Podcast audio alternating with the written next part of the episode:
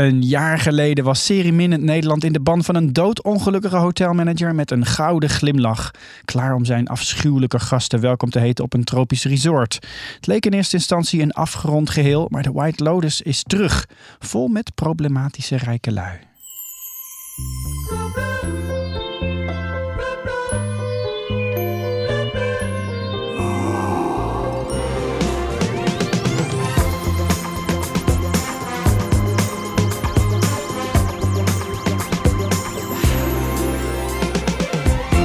Dit is de Coast Podcast. Mijn naam is Adse de Vriese. Tegenover mij zit Yukiko, die volgens mij heel jaloers is dat ze de White Lotus 2 nog niet mocht zien. Absolutely. En Maartje Willems, die uh, hem meegebracht heeft. Ja, en die uh, tussen de. Ik heb vier afleveringen gezien. Ja. En ik ben nu echt aan het wachten op, op vijf en zes om nog even in die sfeer te blijven hangen. Ja.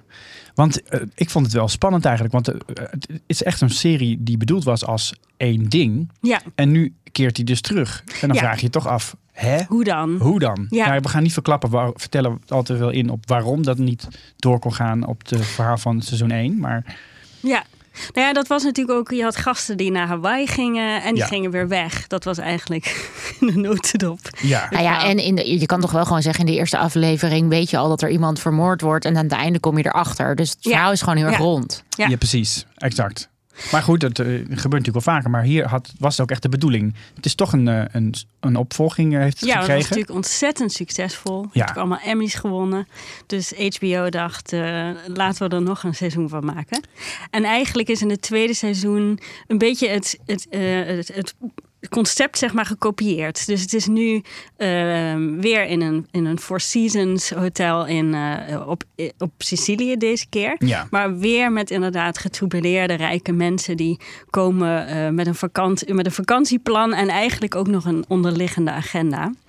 Eh, Dus en- eigenlijk hetzelfde idee als eh, de vorige keer, maar dan geüpdate. En dat hoor je ook terug in de fantastische soundtrack, die ook een soort update heeft gekregen. Dus misschien even om in de sfeer te komen. Een remix?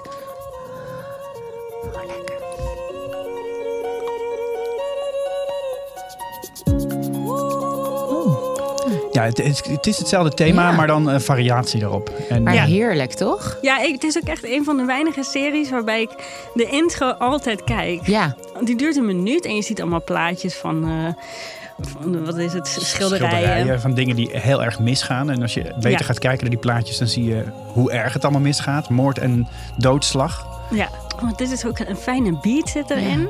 Ik denk dat dit wel na Succession de, de beste eh, tune van een, van een serie is. Ja, denk ik ook echt. Die, die, de, de muziek maakt de serie. Ja. en speelt ook echt een belangrijke rol in, in, het, in de serie zelf. Dus als er dingen gebeuren, eh, dan maakt die muziek het... Weet je wel, waar je normaal gesproken dan dramatische muziek krijgt... als iemand gaat huilen, of spannende muziek als er een moord wordt gepleegd... of dreigt gepleegd te worden. Ja. En hier is het, dan krijg je echt die contrasterende muziek. Ja, want het is dus aan de ene kant is het dus een soort van vrolijke zomerse muziek. En tegelijkertijd zit er toch ook wel iets onheilspellends in, ja, toch? Ja, en een beetje die jungle geluiden, want dat was ook die... De, In Hawaii. Ja, Ja. de, de- het idee van dat je toch een beetje naar een, naar een apengeheel zit te kijken. Je kijkt echt naar mensen die zich raar gedragen. En dat zit dus nu ook weer hier in de, in de muziek, maar dan net met een soort twist. We, En zitten, Hoe is het verhaal? ja, we zitten dus aan de andere kant van de wereld, op Sicilië. Andere In kant wederom van de wereld? Een prachtig. Ja, de andere was. eh het vorige seizoen was Oh, op eh, sorry. Hawaii. ik dacht heel Niet ten van... opzichte van ons. Ja. Nee, nee, ten opzichte van de vorige. Oké. En het, het is eh, weer een resort met eh, toeristen. Met Ja. een oude bekende. Oude bekende Jennifer Coolidge is terug. Als Ja. eh, Tanja, de doodongelukkige, steenrijke, gebotoxte... Nou, wel iets meer dan een botox. Zwaar verbouwde, mislukt verbouwde. Ja, nou, Soul Searcher. Nou ja, ze, ze kan niet meer lachen, toch?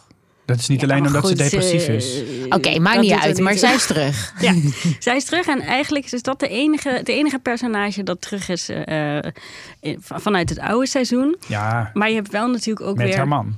met haar man die ze aan het einde van seizoen 1 eh, heeft ontmoet. En toen dacht je nog, oh, wat leuk, Tanja heeft een vriend. En nu denk je toch, oh, is die vriend wel helemaal... Is dat huwelijk wel helemaal oké? Dus daar, daar is ze weer Nou, ongelukkig. helemaal, ja. Dus dat is hun bagage. Dat is hun bagage. Ja, dat je eigenlijk denkt: eh, oké, dit klopt niet helemaal. Tanja is natuurlijk een ontzettend eh veel eisend persoon. eh, ja, dus dat, dat het gedoemd is te mislukken, dat, dat hangt gewoon aan dat personage. Maar je vraagt je af, hoe, dat- wie is die, wat wil die man eigenlijk? Ja, zij, zij is een, het, het beeld van de uberrijke vrouw die alles kan doen om gelukkig te gaan Ja. worden. Naar een prachtig resort. En ze heeft een personal assistant mee naar dit Ja. vakantieoord ook. Maar het is Maar allemaal oppervlakkig. niet. Het lukt niet. Ja, en ze maakt niet echt contact met mensen. Dus dat zag je al in het eerste seizoen. Toen, eh, toen ze gouden bergen beloofde aan een eh, massagesalon medewerker. En zei, oh kom, we gaan, ik wil jou wel helpen om jou een salon te geven. En daarna vergat ze het eigenlijk weer een beetje. En werd die vrouw die helemaal haar hoop had op... oké, ik kan eindelijk mijn eigen bedrijf beginnen. Werd weer die stekker eruit getrokken. En dat boeit haar eigenlijk helemaal niks. En deze keer is het, eh, het een beetje hetzelfde, maar dan met de personal assistant. Want die neemt ze mee op haar romantische weekje naar, eh, naar Sicilië. Eh, en dat is ook weer een hele verhaal. Want zij, eh, haar man vindt dat eigenlijk vervelend. Dat, dat zij de PE heeft meegenomen. Want het is een romantische week. Ja, vindt mijn vriend ook altijd vervelend. ja, ik mag het PA ook nooit. Ja, ik vind het nergens op slaan, maar Ja. goed. En, Dat is eh, super handig. Ja, het ook super handig. ja, voor je itineraries en Ja. zo. En eh, maar dan, dan ziet die man ziet die eh, assistent en dan zegt hij... ja, kom op eh, Tanja, die gaan we er niet meenemen. En dan zegt ze, oh ja, ik los wel even op. En dan gaat ze naar die PA toe en dan zegt ze... ja, je moet get lost. Ga gewoon iets anders Stay doen. in your room. Ja, ga gewoon in quarantaine. En oké, die, die PA denkt dan, ja, hoe dan? Maar goed, dan draait Tanja zich alweer om, want ze heeft het probleem opgelost. En dus die, die, die ongelukkige persoonlijke assistent van Tanja is ook weer een verhaallijn. En dan heb je nog eh, een opa. Nee, ik wil eerst even Oh. nog naar Tanja, de Italiaanse droom. Oh ja. Want daar hebben we een fragment van. Want ze komt daar om de Italiaanse droom na te jagen. Wat, hoe ziet het geluk uit, eh, eruit op Sicilië? Oh. My fantasy day in Italy is. Well, first, I want to look just like Monica Vitti. And, and then this man in a very slim fitting suit. He comes over and he lights my cigarette. And it tastes really good. And then takes me for a drive on his Vespa. You want me to rent a Vespa? Then at sunset, we go down very close to the sea to one of those really romantic spots. And then we we drink lots of aperitivos and we eat big plates of pasta with giant clams. And we're just really chic and happy and and we're Ja, dat die En dan man dan ook zegt ze, tussendoor "Wie- zegt... Het enige wat die man dan kan zeggen is... Do you want me to rent a Vespa? Zo concreet. Ja. Wat wil je nou, Tanja? Ik krijg wel van deze beschrijving heel zin om La Grande Bellezza terug te zien. Ja, die sfeer is ook echt, daarom wil ik er ook niet uit weg. Het is een hele prettige, chille vibe eigenlijk in zo'n resort. Waarbij alles voor je wordt geregeld. Waarbij je maar dit hoeft te doen. En Ja. dan organiseren ze zo'n tochtje. Maar in, eh, in seizoen 1 staat er natuurlijk iets op het spel. Nou, of nou ja, je, je wacht de hele tijd als kijker op wie, wie overlijdt er nou op de moord.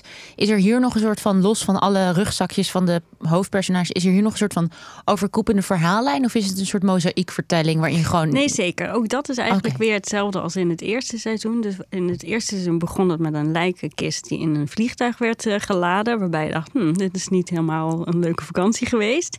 En hier begint het met eh, een vrouw die een duik neemt in de zee en een drijvend lijk tegenkomt. Oh, oké, dus er gaat wel iemand dood, gelukkig. Meerdere zelfs, Meer, en, ja, en dan blijkt het dat het er inderdaad meerdere Oh, zijn. oké. Ja, Ah, dus we ja, werken nee. er weer... we- je Ja, ik dacht, anders waarom moet ik gaan kijken? Ja, Ja, je werkt maar weer ik naar heb zelf, en ik was wel benieuwd, Ad, hoe Ik jij dat had. gewoon. Ja, ik had dat dus Ja. ook. Ik, ik- je ziet het, die eerste scène, en dan, ja, dan gaat het weer naar de achtergrond. Maar dat had ik bij White Lotus 1 ook. Je bent niet bezig met het oplossen van een crime. Nee, je denkt af en toe wel, Je bent- oh, misschien gaat zij wel dood.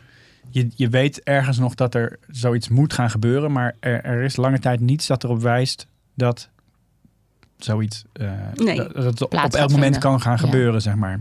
Nee, er zijn, het gaat inderdaad over die verhalen van die mensen. Jij begon net al Een klein over, beetje over opa. over opa en eh, over die drie generaties mannen Ja. die er zijn. Waarvan ik het allerleukste vond dat we Michael Imperioli weer eens tegenkwamen. Christopher Moltisanti uit Ja. de Sopranos. Die daar de vader speelt. Hij is inmiddels mid-generation. En die zijn met z'n drieën op pad. Ja, die zijn met z'n drie op pad. En daar zit een heel leuk generatie, of leuk, interessant generatieconflict eigenlijk. Want opa, die zit iets te flirterig met al die prachtige Italiaanse vrouwen. Uh, zo heel gênant terecht te doen van, uh, oh nou, uh, kom, kom nog maar wat wijn brengen. En die vader heeft zoiets van, ja, dat is niet echt leuk. En die zoon, die schaamt zich echt verschrikkelijk.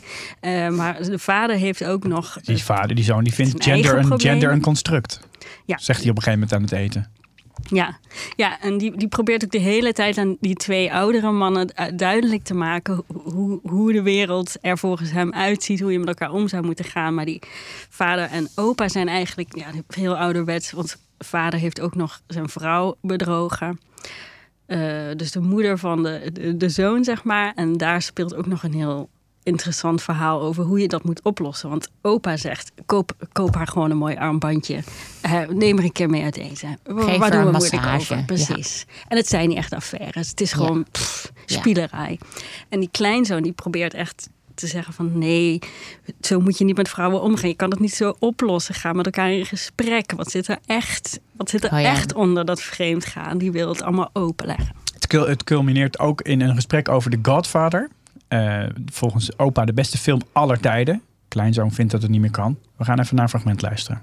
They own a house where they shot the best American movie ever made. No, it's not. No? Why not? I think so. Well, yeah, I mean, you would. All right, what's that supposed to mean? It's because you're nostalgic for the salad days of the patriarchy. They're undeniably great movies. Men love The Godfather because they feel emasculated by modern society. It's a fantasy about a time when they could go out and solve all their problems with violence and sleep with every woman and then come home to their wife who doesn't ask them any questions and makes them pasta. Hey, hey, hey. It's a normal male fantasy. No, movies like that socialize men into having that fantasy. Movies like that exist because men already do have that fantasy. We're hardwired. Comes with the testosterone. No, gender is a construct. It's created. You spend all that money on Statler, he comes back brainwashed. Het is een beetje alsof Joep van Dijk met zijn zoon aan tafel zit. ja.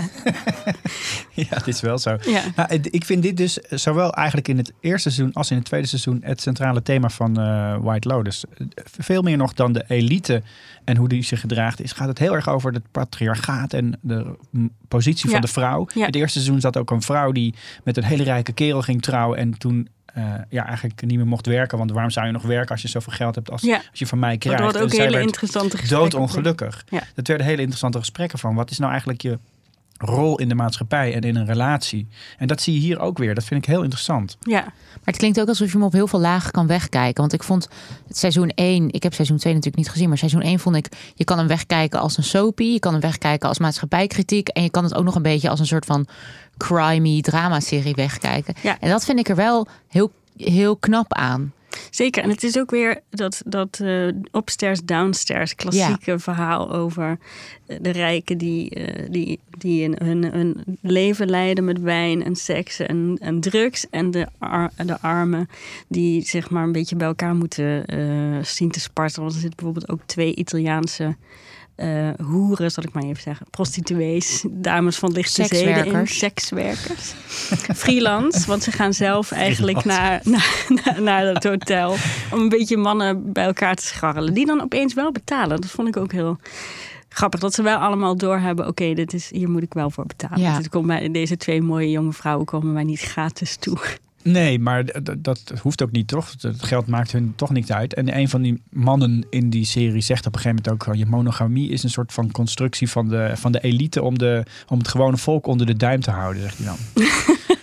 er zitten wel heel veel statements in. Ja, er zitten heel veel statements Ik vind het heel leuk, omdat het op een lichtvoetige manier... Eh, voortdurend grappig, absurdistisch gedaan wordt. Maar tegelijkertijd zitten er ontzettend veel gesprekken in... die echt gaan over dingen die nu aan de hand zijn. Ja. En dat had je vorige keer ook met een, een van die dochters... die dan heel woke is en die dan in gesprek gaat met haar vader de hele tijd. Het is heel grappig en absurdistisch. En tegelijkertijd gaat het echt ergens over. En dat vind ik echt heel leuk aan. Ja, het is echt een, een afgerond geheel. En, het, en wat ik ook wel prettig vind, is, want het is natuurlijk altijd spannend als je dat eerste seizoen hebt gezien. En dat vond je heel leuk en dat vond je heel spannend. Om dan naar zo'n tweede seizoen te kijken. Ik was ook heel benieuwd van hoe gaan ze dat nou aanpakken. En, en dat kopiëren eigenlijk van eh, het concept. Dat vond ik wel heel erg goed werken. Omdat het ook gewoon lekker herkenbaar is. En dan weten we, oké, we zijn er weer, zeg maar. We zitten weer in dat resort. Deze keer gaan we een klein beetje af en toe daaruit ook. Want het was bij de, eerste seizoen bleef je echt op dat resort. Wat ook wel een beetje iets, ja, dat had ook iets benauwends, vond ik. Maar ook wel interessant dat je, Had ook met COVID te maken, denk ik. Dat ze het niet op eh, ergens anders konden schieten. gewoon praktisch bedoel jij? Ja, praktisch. Ja, misschien. misschien. Ja. Ja, het, het doet een beetje denken aan de manier waarop Fargo dit gedaan heeft. Hè? Die serie Fargo, die ook steeds met een soortgelijk verhaal kwam. Ja, nieuw. In, met ja. nieuwe karakters. Ja. Hey, en nog even eh, tot slot, want Ja. ehm, iedereen die nu aan het luisteren is en denkt, ja, lekker leuk, ik heb seizoen 1 nog niet geluisterd, gekeken. Ja. Kun je het loskijken, seizoen 2? Of moet je eerst wel. even seizoen 1 kijken? Het hoeft niet, maar het is wel... Nou, het is wel aanbevelen. Oké. Het wil is een eigenlijk toch wel... feest. ik heb, ik heb wil- seizoen 1 weer opnieuw zitten kijken. Oh ja, dus gewoon lekker binnenkort een weekend, gordijnen dicht, alles achter elkaar. Maar, je- maar het kan wel los als je zegt van... eh, Nee, nee, we hebben nu advies mysterie- gegeven, Maartje. sorry, sorry. Eén advies, één advies, Eén advies, één advies. één ja, lijn. Maartje. Moeten één lijn trekken. Ja. Goed, dankjewel. Hij is vanaf 31 oktober in Israël te zien, denk ik, bij HBO Max. Ja. Goed, dankjewel, Maartje. Dan is het nu tijd voor de vriend van Koos. En de hele maand oktober is Jaap Robben onze vriend van Koos. Hij is dichter, schrijft boeken voor kinderen en volwassenen en zijn nieuwste roman heet Schemerleven. In deze tip vertelt hij welke muziek hij luistert tijdens het schrijven van dat boek. Depth of a Lover. Per boek dat ik schrijf heb ik altijd wel een paar muzikanten die ik veel luister. Als ik met een bepaalde scène bezig ben, dan, dan gaan de nummers bij die scène horen als een soort soundtrack. En voor mijn meest recente boek Schemerleven was dat de Nederlandse zangeres Pitou. En vooral het nummer Depth of a Lover, dat vond ik echt prachtig. Ik kan niet zo heel goed benoemen wat ik er dan zo goed aan vond. Het is altijd heel lastig om uit te leggen waarom iets inspirerend is. Eigenlijk kan dat ook niet zo goed, denk ik. Als ik zou weten waarom dingen inspirerend zijn, dan snap ik wat iemand aan het doen is. En het is eigenlijk altijd juist fijn om dat niet te snappen, dat het mysterieus blijft.